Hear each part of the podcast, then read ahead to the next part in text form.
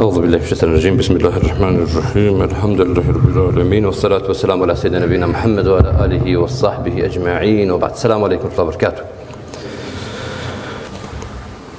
Nakon zahvale Allahu subhanahu wa ta'ala i salavata na Muhammeda sallallahu alaihi wa sallam koristim ovu priliku da se zahvalim Međlisu Tutin, da se zahvalim glavnom imamu, da se zahvalim imamove džamije, što mi je, što kažu, omogućio i dao nam tu priliku da noća zajedno ovdje, ako Bog dinša, da se družimo i da proučavamo Allahovu subhanahu ta'ala vjeru.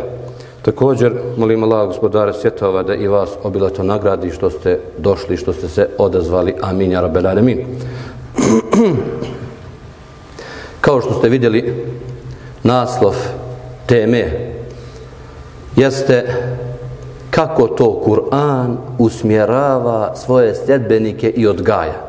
Prije svega, kad se spomene ta prva generacija muslimana, islamski učenjaci kad opisuju kako je to stanje njihovo bilo, kažu, zamislite sad, dotakli su dno. To najgore i najopasnije što je moglo da se dogodi, kod njih se događalo. Vjerujte, gledano, gledano. Hajde podvučemo jednu crtu to što se kod njih dešavalo, 98% dešava se danas kod nas. Mi kad kažemo oni su bili dno dna, Alhamdulillah, kod nas ima prese gdje su muslimani, ovi što, što, što praktikuju, što se zna da su muslimani. S druge strane, kad pogledaš naši, što kažu sugrađana, naši bošnjaka, naši koji, eto, i kad mu pomeneš da si musliman, on bi te ubio kad bi rekao slučajno da nije musliman, tako dalje. Ali kamata je prisutna a kamate je jedno od najvećih poroka i najvećih problema jednog društva. Blud je prisutan, alkohol je prisutan, muzika prisutna, pevačice prisutne, droga prisutna. Ne smijem da kažem, kipovi su prisutni. Eto, to možda nema niko od nas, kažem od nas, od tih naši, nema niko kipa kod kuće da ga obožava. Znači, im ima ih mnogo koji negiraju onaj svijet, koji negiraju ono naše amentu bila najosnovnije što se pominje, najosnovnije vjerovanje. A onda tvrdimo i kažemo Arapi su bili dno dna. Ja kažem 98% možete naći toga dna da je danas prisutno i kod nas. I onda dolazi Allahov poslanik Muhammed sallallahu alejhi ve sellem sa Kur'anom. Ko se uhvatio za čvrsto uže? ako kako kažu islamičnjaci, Kur'an je jedno tumačenje tog čvrstog užeta. Ko su hvatio za njega kaže Kur'an ga je uzdigao kao ptica koja se uzdigne visoko u nebo pa je onda vetar nosi i ona se opusti. Ide lijevo i desno. Isto je to Kur'an radio sa njima odnosno tako ih je Kur'an odgajao kad su se predali Kur'an ili kaže kao lađa koja plovi morem a more čas jedan talas odavut, čas jedan talas odavut, a lađa opušteno plovi i stiže do svoga cilja. Kaže, njih je Kur'an na takav način odgajao. Dolaze ljudi kod žene Allahovog poslanika, kod Ajše, pa je pitaju kako je to živeo Allahov poslanik Muhammed sallallahu alaihi wasallam. Pazite njen odgovor. Kaže, čitate li vi Kur'an? Kažu oni, subhanallah, mi smo muslimani, kako da ne čitamo Kur'an? Pazite, smijemo da pitamo džematlije ko je pročitao cijeli Kur'an? Smijemo da pitamo džematlije ima li oni koji su možda do pola stigli? Ima li oni koji nisu nikad pročitali ništa iz Kur'ana? Džematlije? Da ne idemo dalje, ovi tamo što nisu redovni u namazu. Pa da rekne da pročita nešto iz Allahove spantara knjige, hoću da se sa tim ja punim, da se ja dopingujem tim pozitivnim stvarima i tom pozitivnom energijom. Kažu oni kako da ne čitamo pa mi smo muslimani. Čudno pitanje, mi smo muslimani. Hej, mi smo muslimani, čitamo Kur'an, kako ne čitamo? E danas čovjek ima slučajeva, dođe neko se druži sa nekim nemuslimanom. Pa taj nemusliman mu nešto spomeni iz Kur'ana, a naš jadni kaže, o, on zna bolje od mene, on zna ovo iz Kur'ana, on zna, pa to je smiješno, to je sramota, šuti, ne pominji da neko tamo skroz drugi zna bolje od tebe, a najvrednije što postoji na ovome svijetu jeste Kur'an. Najvrednija stvar koja postoji jeste Kur'an. Jer Kur'an je od početka do kraja ostaće i neće više nestati i on je uputa ljudima do sudnjeg dana. Pazite, to je knjiga koja ne može da se prevoziđe, završeno više. E sad mi govorimo kako taj Kur'an odgaja ljude i šta su bili prioriteti u odgoju. Ne možemo sve nabrojati, nemoguće sve to dobuhvatimo, ali hajde uzmemo nekoliko tačaka šta zapravo Kur'an traži od nas, na šta nas upućuje, kako to da odgoji ljude. Mi kad kažemo da odgoji ljude, mislimo duše njihove da odgoji, ne samo tijela da odgoji. Pazite, Kur'an je lijek i za tijela.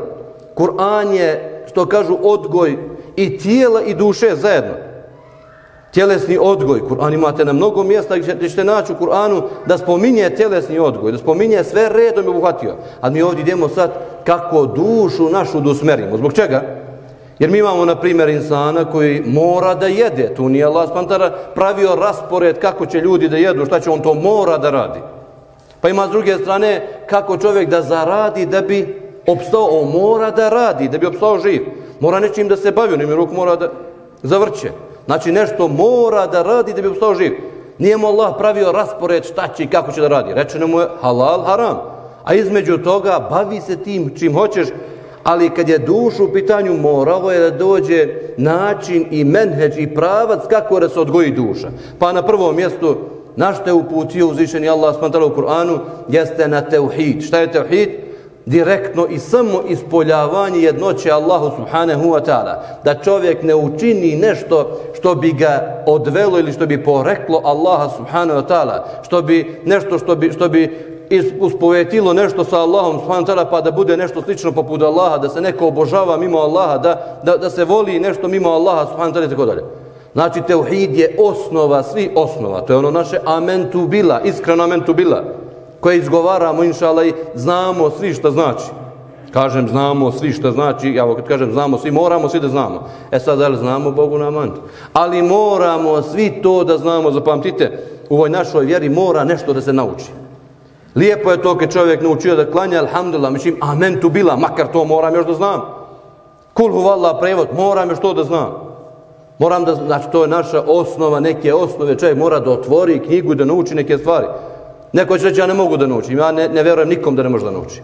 Ko ne može da nauči, od njega rufi al qalem, od njega su podignuta pera. Od koga su podignuta pera, kao kaže Allah poslanik, od onoga koji je psihički ili znači ne mogu da kaže mentalno nesposoban, e od njega su pera podignuta. Lud tamo stoji, ja to izbjegavam da kažem da ima kod nas ludija. Lud, evo od njega su pera podignuta. Kogod nije lud i doktor mu nije dao potvrdu da je lud, to mora da nauči i nema šanse da ne može da nauči. Zbog čega? Uzmeš neku pjesmu, ona velika dugačka, ti je pustiš u auto, ona tera, tera, tera, odnom ti pevaš, ne znaš, a ti ne učio, otkud si naučio ovo? Otkud mi ja ponavljam, znam pjesme, kako sam naučio? Pa zašto sam mnogo slušao, ponavljao, slušao, ponavljao i nauči. I nauči insan. I onaj kome je cilj da nauči, on pusti. Nasnimajte mi deco, pročitajte mi deco, napišite mi deco, hoću da naučim šta je to zapravo, odnosno šta znači kul huvallah i amen tu bila. I kažem, to naše amen tu bila iskreno koje moramo da znamo, to je zapravo teuhid, a da ga ne narušimo sa drugim, sa drugim stvarima. Ko što rekao, da imamo ne do Allah, dragi, da smatramo nekog ravnim Allahu smantara, da volimo nekog da nas rao, nekog ko što nas rao da Allah, i tako dalje. Uzvišeni Allah subhanahu wa ta'ala, nakon što je pojasnio da moraju božanstva da se otklone, nakon što je pojasnio u Kur'anu, kul ja ejuhel kafirun, o vi koji ne vjerujete, ja se neću klanjat onima kojima se vi klanjate, niti ćete se vi klanjat onima, onome kome se ja klanjam. Kaže, Allah s.w.t. naređuje Muhammedu im kaže, lekum dinu kum valjedin, vama vaša vjera, nama naša, odnosno meni moja vjera. Tu je presek bio između mušrika i muslimana. Dolazi druga stvar, presek između jevreja i kršćana i muslimana. Znači jevreji i kršćani na jednu stranu, muslimani na drugu stranu. Kaže, sa čim je to pojašnjeno? Pa ovo sa što pominjemo, kul huvallahu ahad. Ono nam je između nas i nije kul huvallahu ahad. Šta znači? Reci, Allah je jedan. Allah je utočište svemu. Nije rodio i rođe nije i nikomu rava nije. Pazite, kul huvallahu ehad. Allah je jedan. Oni kažu, Allah je jedan u trojice. Pa Uzeir, kažu je Uzeir je Boži sin, ima božanske osobine. Mi kažemo kul hu Allahu ehad. Ako hoćeš da se razdvojiš, moraš kul hu Allahu ehad iskreno iz srca da, da izgovoriš i moraš da stojiš iza toga. Nije rodio i rođen nije. Nema ni sina, niti ima drugu, niti ima oca, niti ima ništa. Allah je jedan i jedini, ništa mu ravno i slično. I slično nije. Znači tu uzvišeni Allah subhanahu ta'ala pravi između nas i njih jednu liniju veliku. Također uzvišeni Allah subhanahu ta'ala kad pojašnjava kršćanima u Kur'anu stoji inne methele Isa inda Allahi ke metheli Adem. Halakahu min turab thumme kale lehu kum fejekun. doista je primjer Isa alaihi selam kod Allaha subhanahu ta'ala kao primjer Adema. Allah ga je stvorio od čega? Min turab, od zemlje i rekao budi i on je bio, odnosno postao je čovjek. Pa kažu, pazite ovo, brate, pažu, niko nije na svijetu rekao da je Adem Boži sin. Ni kršćani, ni jevreji, ni muslimani, ni mušrici, niko to ne pominje. Niko ne kaže Adem je Boži sin. Od čega je Allah stvorio Adem? Kažu od zemlje, pa osnova je prvi, nije imao ni oca ni majku. Kad nema ni oca ni majku, preče je on da bude, kažem, preče bi bilo, da on bude sin Boži, ne uzubila Allah, daleko svega toga, ne pripisujemo sin, preče bi on bio da bude Boži sin, nego Isa koji ima majku. Majka ga, žena ga je rodila, znači već je ušao, u što kažu te, te ljudske tokove i nije više i nije više na stepenu ko što je bio Adem, ali kaže Allah smantara, primjer Isaov, Allah ga je stvorio na primjer, budi ono bude, završna priča. Kogod dođe od kršćana i kaže zbog čega je Isa to Boži sinu, ni kažu za to što nije imao oca, otac mu je Bog, nije tačno što ni Adem imao ni oca, ni majku, pa niko nije rekao da je Boži sin. Znači uzvišenje Allah s.w.t. odredio je tu da preseče i da kaže završne. Pa su se muslimani poveli za ovom, zovom akidom ili zovim vjerovanjem, pa ste vidjeli kako je Omer, ta najviši neprijatelj, taj najviši neprijatelj Muhammedov s.a.v. prihvatio Allahovu s.w.t. vjeru, pa Hamza, Muhammedov s.a.v. Amidže prihvatio vjeru, pa Ikrime, Ebu Džehlov sin prihvatio Allahovu s.w.t. vjeru, pa su postali divni primjeri i divni i divni muslimani. Međutim, mušnici koji nisu htjeli da vjeruju, kada dolaze kod Muhammeda s.a.v. uzima kost i oko je slomio jedan mušnik i bacio u kost, ali kaže, o Muhammede, kako će Allah ovo doživi? Vidiš da sam ovo smrsko, sve završeno, nema ništa. Kažu zvišnji Allah subhanahu wa ta'ala وَضَرَبَ لَنَا مَثَلَ وَنَسِيَ خَلْقَ Taj jadni čovjek spominje primjer, slomio kost, bacio, a zaboravio od čega je stvoren. Od čega ili kako je stvoren. Nije imalo ni kosti, niti imalo tijelo, niti imalo meso, ni krvi, pa si stvoren od nečega. A sad ima makar nešto i uvijek je lakše da se nešto napravi kad već postoji nešto prije toga. Kažu, najteže je bilo prvi avion da krene, najteže je bilo prvo auto da krene, najteže je bilo prva lađa da krene. A onda posle toga pravi što će, evo u Turskoj krenulo novo auto, vidjeli ste možda, molim Allah smantala da pomogne muslimane širom svijeta, amin ja rabel da razviju svoju ekonomiju što može biti bolje. I krenulo prvo auto, znači sad nakon ovoga prave oni sve redom Mercedes i Porsche, više nema zustavljanja. Bitno je prvo samo da je krenulo. I isto Allah smantala njima kaže mušicima, Pa od čega si prvi put stvoren, sad mi ne vodiš kako ćeš biti proživljen, pa razmisli od čega si stvoren prvi put. Nije te nigdje bilo pa te Allah stvorio. A kamo li kad si već jednom postojavao pa te Allah spantala proživi nakon toga. I kaže Muhammed s.a.v. ovom čovjeku, nakon što je smrsko kosti bacio, kaže naam vallah, Allah će te oživjeti ako mi gospodara svi svjetova, pa će te baciti u džehennemsku vatru, tebi je džehennem zagarantovan, ti sve završio. Ti si svoje završio. Znači, u tom trenutku više za njega nije imalo, nije imalo spasa. Druga stvar, moram malo da, da požurim, imam mnogo ovih stvari, odnosno mnogo malo se priča, da uzmemo nekoliko tačak ili nekoliko smjernica koje Allah subhanahu ta'ala koristi da bi ljude usmjerio i uputio preko Allahove subhanahu ta'ala knjige, odnosno preko njegove knjige Kur'ana. Druga stvar jeste šta je bitno? Bitno je da se čovjek odgoji, da razmišlja i da zna da ga uzvišeni Allah prati gdje god krene i šta god bude i šta god da učini da uzvišeni Allah vidi. Pa šta je najbolji vid obožavanja Allaha subhanahu ta'ala? En ta'bud Allah ke enneke tera. Fe lem tekun tera fe innehu jarak. Jeste da obožavaš Allaha kao da ga vidiš. Jer ako ti njega ne vidiš, pa on tebe vidi. Kaže, insan treba da obožava Allaha kao da ga vidi. Pazite, kad bi mi sad obožavali istinski Allaha kao da ga vidimo. Vjerujte, ili kao, kad da ga obožavamo, ono, faktički vidiš Allaha, sman, kako bi ga obožavali? Niko ne bi smeo nikad grije da učini. Ne znam, u suri Bekare, opisuje uzvišeni Allah subhanahu kad je iskušavao jevreje i kad ih je zastrašivao nakon njihovih griha. Pa stoju nekim komentarima kuranski ajata da im je Allah uzigao brdo iznad njihove glave, ogromno brdo, veliko planinu. A oni kaže, pali ovako na seždu, ovako virkaju, šta će da bude sa brdom? E tako bi se obožavao Allah SWT kad bi mi bili svesni da ga obožavamo na način kao da ga vidimo. Pa bi svaki trenutak čovjek razmišljao kakav vrijed učinimo, velika veličina uzvišnog Allaha, može da učiniš da god hoće, kaki, nema, samo se predaš, odeš kod običnog sudije, pa ti sidiš mirno, pa ono nešto priča, ti klimaš glavom, nisi ga dobro ne razumio, klimaš glavom, spreman si da prihvatiš odmah. Ni razumeo ga nisi još, stani da ga razumiješ prvo, nema vremena, odmah ti ono prihvataš.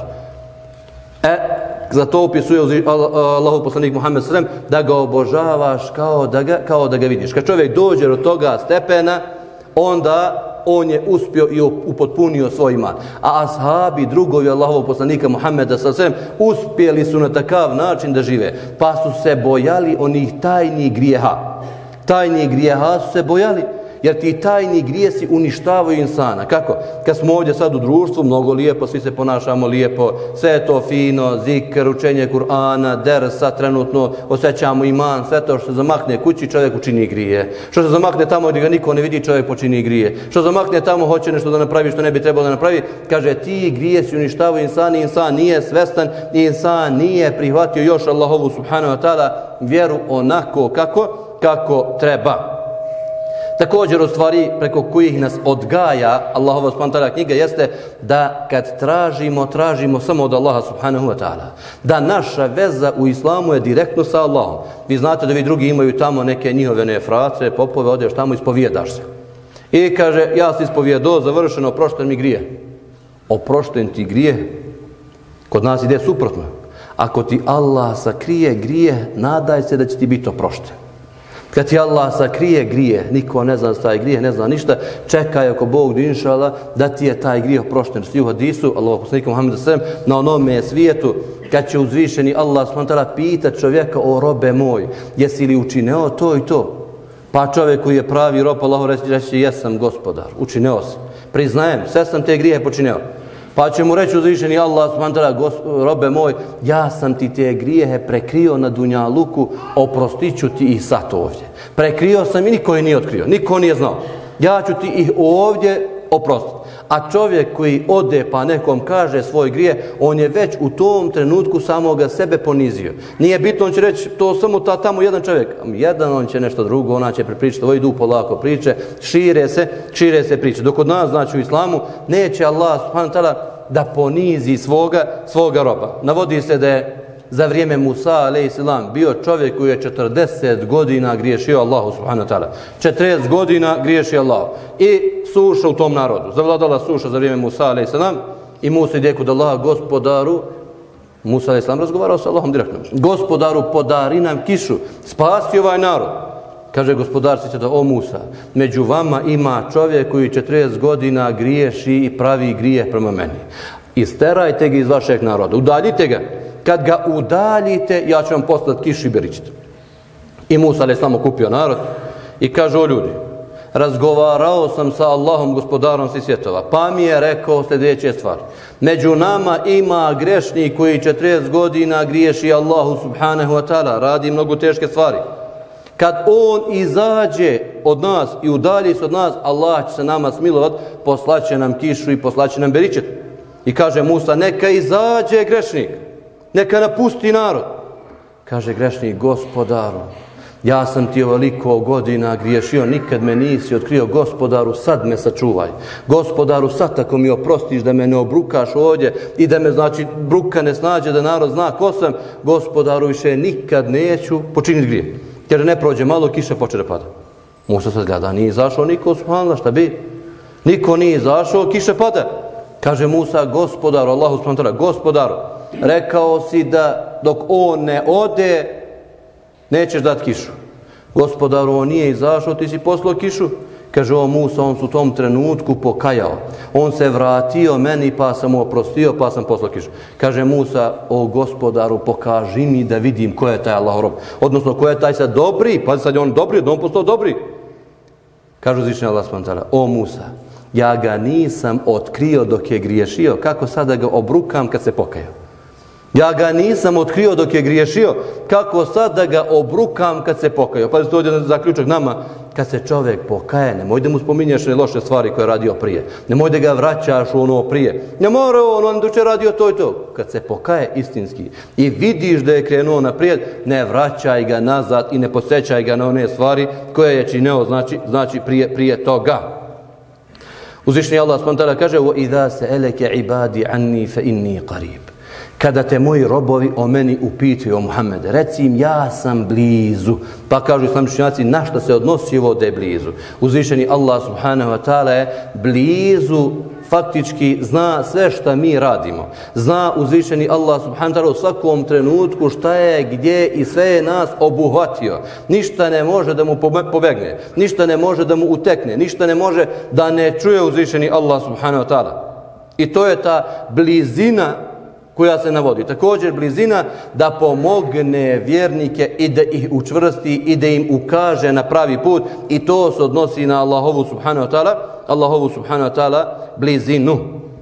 Allah subhanahu wa ta'ala učio je preko Kur'ana ljude da razmišljaju o Allahovim stvorenjima.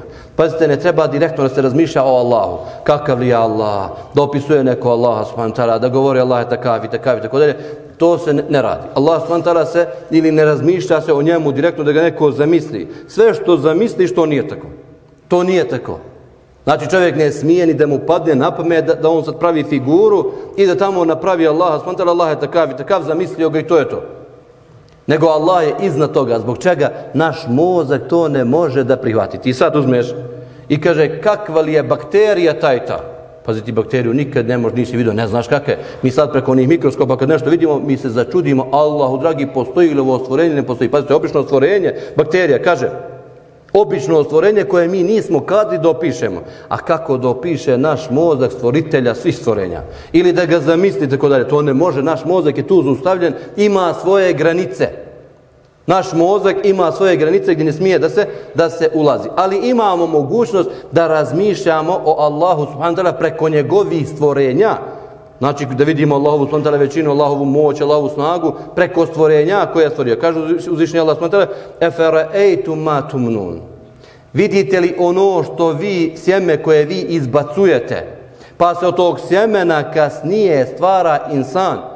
E entum tahlukunehu em nahnu halikun. Jeste li vi ti koji stvarate ili je Allah taj koji oblikuje stvara to stvorenje? Znači vraćate da razmišljaš prvo o čovjeku. Čovjek je jedno od najsavršenijih Allahovih spontana stvorenja koje su na zemlji. Znači Allah ga je odlikovao, dao mu se kad bi se samo o insanu razmišljalo, nama ne bi trebalo dalje. Uzvišeni Allah subhanahu wa ta'ala kaže وَفِي أَنفُسِكُمْ أَفَلَا تُبْصِرُونَ Zašto ne vidite Allahove dokaze u vama samim? Pa zašto ne razmislite? Odnosno, zašto ne gledate? Zašto ne obratite pažnju? Puno puta smo govorili Sve ko što je kod insana stvoreno, lijepo i sa svrhom je stvoreno. Kad bi insan uzao samo da razloži samoga sebe preko tih knjiga tamo koje govore, pa ne znam što, zašto mu služi kosa, pa zašto mu služe veđe, pa zašto su trepavice, pa zašto su dačice u nosu, pa zašto je nos ovakav, nije gore podignut pa da pada prašine, pa zašto ima usta, pa jezik, pa sve to, pa zubi, pa samo to čovjek da kaže gospodaru, hvala ti kako si ovo ko sve ovo savršeno stvorio. Savršeno studio. Dalje kaže Allah subhanahu wa ta'ala: "Afara'aytumun nar allati turun." Vidite li vatru koju potpaljujete? Jeste li je vi izvadili iz drva ili je Allah daje da ona ide iz drva? Jeste li vi to nešto, vašim sebe ono što uradili? Niste ništa. Nekadri, nemoćni insani. Allah je dao da ona iz drva izlazi, čak stoji da izlazi i iz sirovih drva, što insanu mozak ne mora da, da prihvati sirovo kvasno, ali gori.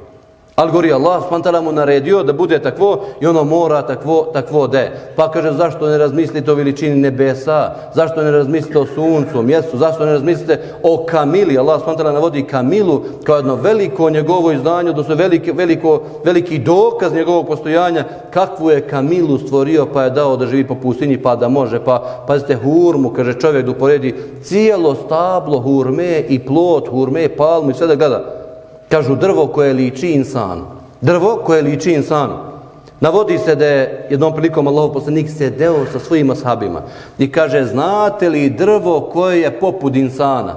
Kaže Abdullah ibn Omer. Pazite kakav je bio odgoj ashaba. odgoj njihove djece. Abdullah ibn Omer kaže, a on bio najmlađi tu, kaže, vallahi sam se odmah setio. I htio sam da kažem, pa sam vidio Abu Bekr, čuti. Vidio sam Omer, moj babo, čuti. Pa me je bilo stid da progovorim ispred njih. Pazite, subhanallah.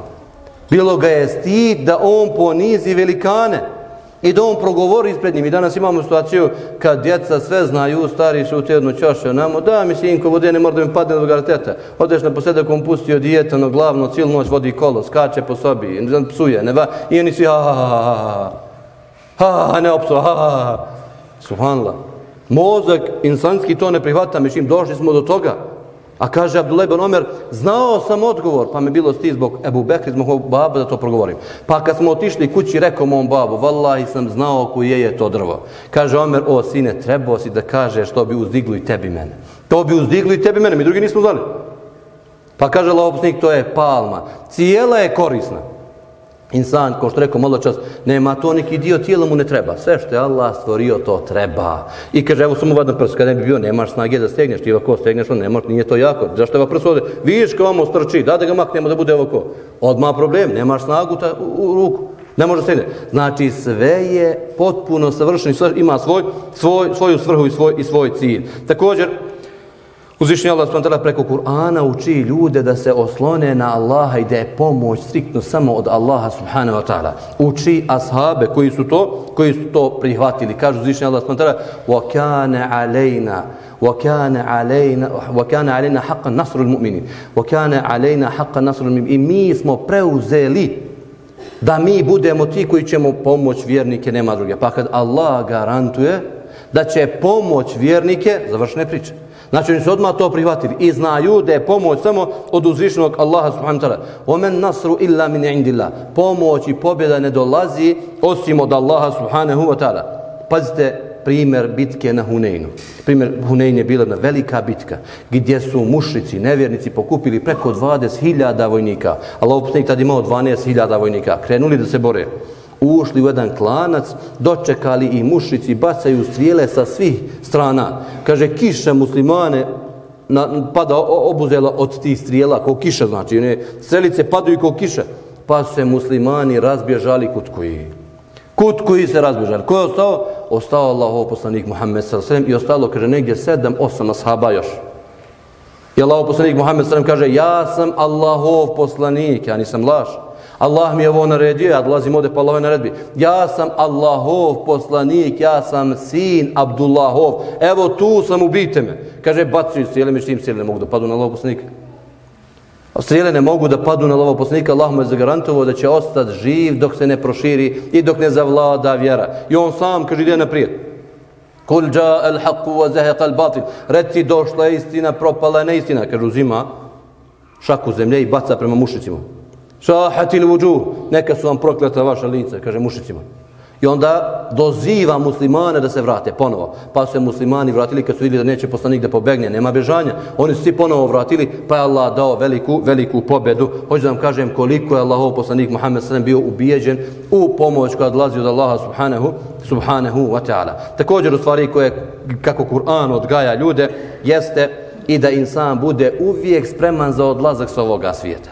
Kad bi razmišljali o smrti, kad bi nam smrt, što kažu, bila non stop na um, ljudi ne bi griješili. Pazite, ashabi, drugovi Allahov poslanika, koliko su razmišljali o smrti. Kaže, niko od njih ne bi zaspo, a da ne bi ostavio oporuku svojoj porodici, šta da rade nakon njegove smrti. Pa bi, kaže, poneko od njih preko noći se probudio, pa bi još po nešto dopunio. Pa opet sutra dan piše, prepravlja. Pa opet, svaku noć, kaže, da ima to spremno.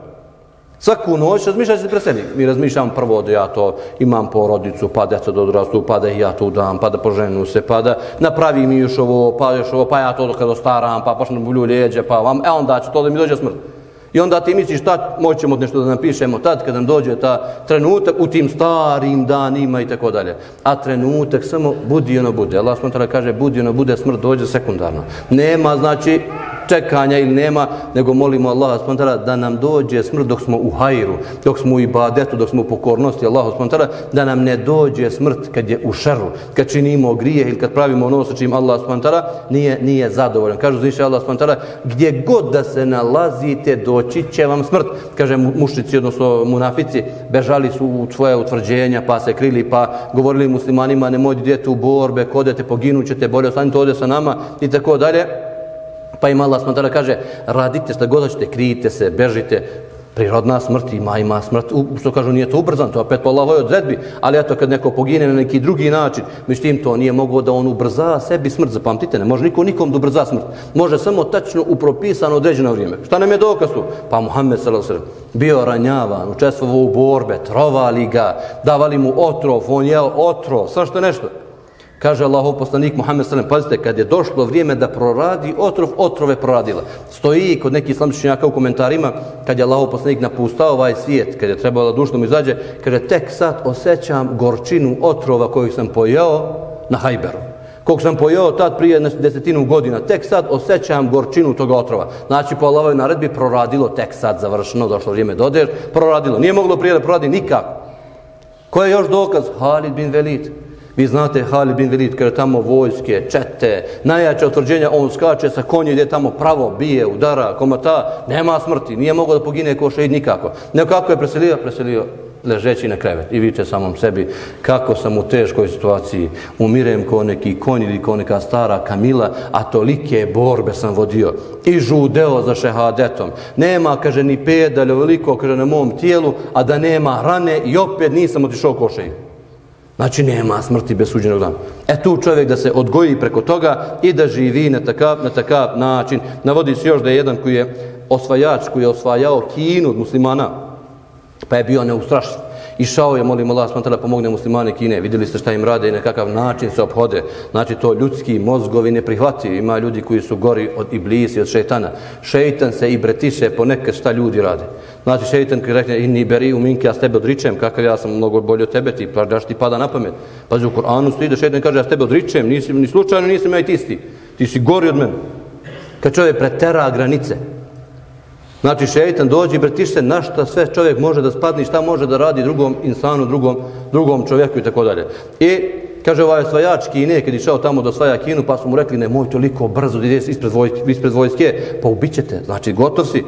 Kad on, koliko od nas, ono što kaže, kad prođe rok, hoće da kaže meni, kad dođe trenutak, ne pomaže mi ni snaga, niti mi vi možete pomoći. Kad mi istekne rok trajanja, meni se zna kad ću da poginem. Prije toga ne mode me dirati. Ja znam da nema smrti bez suđenog dana. A ako stanem ovdje s vama da sedim, ko mi dođe smrt, ja ću isto poginu. Nema mi druge, znači napuštam, napuštam tačno u određenom trenutku kad Allah subhanahu ta'ala odredi. Također stvari kako nas Kur'an odgaja, jeste ili mada halakan Allah. Zbog čega nas je Allah stvorio? Pored svega ovoga smo vidjeli, insan ne može samo, e, stvorio nas je Allah subhanahu ta'ala da razmišljamo, da mi to samo srcem vjerujemo, a da ništa ne radimo. Nego moramo mi da se pokrenemo. Moramo mi ibadete koje nas je Allah subhanahu ta'ala zdužio da izvršavamo. Ne može čovjek samo da kaže ja volim Allah. I završeno, ništa drugo. Pazite, kaže, dijete imaš. Imaš trojedice. Jedno što mu god kažeš, ono trči i radi. Nikad ne kaže, neću babu, hoću sve. Bismila, ode. U pol u pol dana radi. Drugo viće, babu, ja te mnogo volim, a ne mogu možda te poslušati. Ti si rekao da treba, ali ja ne mogu da odem. Jedan dan, hajde, prosim jedan dan, dobro dijete, nemo to radi, treba. Treći dan, ponovo ista priča. Je to dobro dijete, voliš li to dijete ili to dijete mora da zasluži neki način odgoja da se promijeni nešto prema njemu? Isto za koji insan, gospodar, ja te volim, ali ne mogu da ti klanjam. Gospodar, ja te volim, ali ne mogu da dam zikjat. Gospodar, ja te volim, ali ne mogu da, ali ne mogu na hač, mnogo i to teško, treba para. Gospodar, ja, ali ne mogu da postim ovima da se gladuje, gospod. Kakav je to musliman? Kakav je to vjernik koji osnovne farzove, to su farzove, to nisu obične stvari, nego farzove zanemari, a govori ja te, ja te volim. Kaže, uzvišnji Allah spantala opisuje kak Ibrahim a.s. šta je govorio, to se odnosi za svija nas. Inna salati wa nusuki wa mahjaje wa memati lillahi rabbil alamin. Moj namaz, moji obredi, svi redom, hađi, sve drugo što radim, moja, moj, moj život i moja smrt pripadaju striktno Allahu subhanahu wa ta'ala, gospodaru svi svjetova. Znači svaki pokret moj pripada Allahu subhanahu wa ta'ala i sve što radim, radim striktno radi, radi Allaha subhanahu, subhanahu wa ta'ala. Navodi se kad su muslimani krenuli da osvajaju Persiju, Tamo je bio jedan kralj, zvao se Rustum. Ja ovamo je bio Sad ibn Ebi Vekas, da iđe Allahov poslanika, vojsko vođa kod muslimana. I onda pripremaju se vojske, spremaju se borbe između tih vojska, sve je tu poređeno, držne da. I kaže, jedan od ashaba, Rabi ibn Amir, kaže, Sad, o Sade, pošalji im ti njima jednog insana koji će da ih upozori, da im ukaže, da vidi znači ko su muslimani šta su. Nemoj da šalješ veliku delegaciju. Kaže, bojim se da ih ne udostojiš, pa da oni pomisle da su nešto kad im pošalješ veliku delegaciju. Pošalje jednog insana samo. Neka porazgovara s njima. Pazite odmah sad, kaže, ideš ti. Pa nisam mislio ja, nego neko, kaže, ti ideš. Ti si dao prijedlog, ti je prijedlog, dobar, skači da odmah izvršiš. Ako samo daje prijedlog i on beži kad treba se radi. Ne, ne, nego, pusti prijedloga, imamo dosta. Došao čovjek od mene, veliki papir na, nabacu. Napisao šta se treba da uradimo. Ispisao, ispisao, ispisao, ja gledam, ono, slušam, češem se ovako, ne mogu, haj, što će završiti veliko, šta ćemo da radimo? Ko to treba da uradi? Kaže, džemat. Koji džemat? Pa, naš džemat. Kako to da uradi? Pa to ne mora država da ti uradi, si donio čoveče Bože. To ne mora država, to bi država rekla, ovo padamo u dug milijarde eura, kako god radimo. Znači, ti nabrajaš toliki papir prijedloga, nego daj ono što je realno, što može da se ostvari, daj da radimo. A one prijedloge, te tolike, to ne može niko da radi. Kaže, vi naši, haju prijedloge, da daju, jer treba se potegne, neće nikog nema. I kaže on, ti ideš. Kaže, va, bismila, kreće. Stiže kod njega tamo, a oni mu pripremili da ga malo ponize ovog muslimana. On gleda, ulazi tamo, vidi Hurmuza, tamo sedi, Rustuma, gleda, Rustuma sedi tamo. Kaže, pored njega sve svileno, jastuci svileni, vam, on uzima koplje i sa konjom, neće da stane, nego konju će namo da priđe blizu, neće, ne, ne, tamo ne može konj. Kaže, vi ste me zvali da dođem, oni pozvali bili da dođe neki izaslanik. Kaže, vi ste me zvali, mora li ne more? Ko može ovako, može, ko ne može, ja neću. Pitaju ovoga njihovog tamo velikana, kralja, šta će, kaže, puste ga, nema uslovljavanja, došao čovjek, puste ga. Kaže, on uze pa im sve ono izbušeno u svilu se koplje. Prijeđe nam pored noga, hoće da sedne pored njega, kaže, ne možeš gore, moraš gore. Jeste li me zvali? Kaže, jesmo, sedni gore. Dobro, ja od odmah, ja se vraćam odmah. Sedni ovdje. I počinje priča. Kaže ovaj Rustum njemu, vratite se bre, nemoj da ratujemo, da ginemo džabe, mi ćemo da vam damo para, da vam damo hrane, da vam damo sve što ima, vratite se, vi ste doče bili sirotinja, mi smo nas tako hranili, vi ste bili zadovoljni, vratite se. E, kada je došlo drugo vrijeme. Šta je došlo drugo vrijeme, koje vrijeme?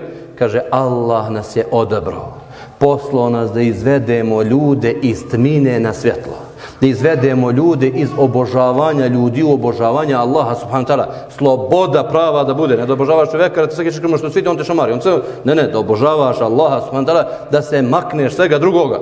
Allah nas je odabrao, poslo nas je da budemo takvi kakvi smo. Sad on opisuje, kaže, uzvišeni Allah subhanahu ta'ala odredio je da ti dođemo ovdje. Imaš mogućnost da izabereš jedno od troje. Kaže, šta je jedno od troje? Ili da daš džiziju ili da prihvati islam ili borba. Ili borba, kaže, pita ga Rustum nakon što mu on to sve pojasnio, kako je, šta je, kaže, jesi li ti glavni među njima, ko si im ti, si ti vođa? Kaže, ne vala, ja sam samo jedan obični vojnik, a vođa je tamo stoja, ja sam obični vojnik, ali kod nas muslimana ti je ovo pravilo. Ja što ti garantujem sad trenutno ovdje, tako će ti biti, izaberi šta ćeš. Nakon toga se vraća, kaže ovaj kralj, rekao tad Rusom, nisam vidio opasnijeg govornika i ubedljivije kod ovoga čovjeka. Pa je to obični insan, musliman, ali znao je zašto živi i znao je, odnosno nije ga bilo strah da ode da mu kaže sve što treba da mu kaže i da se vrati.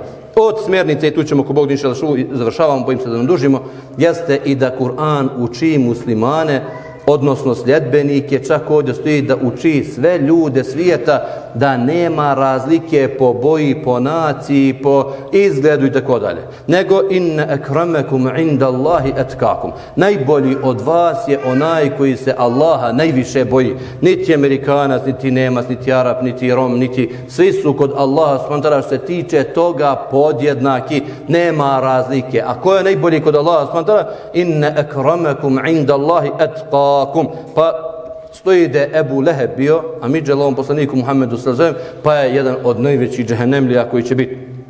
S druge strane, Selman el Farisi, Selman bio persijanac, tražio i tražio i traživo, došao kod Muhammeda Srazem, bio pojedinac, nije imao svoju porodicu. Pa kaže Allah poslanik, Selman iz moje porodice. Selman iz moje porodice, uzdigo ga. Pa Bilal, El Habeši, znači Bilal Abesina, crnac, kad se popeo na Kjabu da pruči zan, mušrici Mekke su rekli, otkud ova crni gavran da se popne na Kjabu? Da zgazi njegova crna noga na Kjabu, kako je to bilo moguće? Međutim, u islamu je moguće jer ne gleda se ni izgled, ni boja, ni nacije, ništa, nego se gleda inne ekramekum inda Allahi etkakum, pa stoji da su najviši učenjaci hadisa, najviši alimi koji su postojavali nakon znači, tih prvih generacija ashaba, bili stranci, nisu bili arapi. Bili stranci, većinom bili iz ruskih republika, sada je gore republik Buhari, Muslim, Ebu Davu, Tirmizi, to sve ruske republike. Pa pazite koji su hizmet, koje su, koja su djela ostavili i koliko su pomogli Allahovu spantala vjeru. Allah ne gleda, znači to nas uči, naša vjera, da ne gledamo ova je neka manja rasa od nas, mi smo bolji, nego svi smo kod Allaha jedni i svi smo kod Allaha isto priznati, a najbolji od nas je onaj koji se Allaha spantala najviše, najviše boji. Molim Allah, gospodara svjetova, da nas učvrsti, da nam podari hajra na ovome svijetu, hajra na onome svijetu, da nam prosti grijehe i da nas sastavi u dženetu. Amin, ja rabel alami. Allah da السلام عليكم ورحمة الله وبركاته.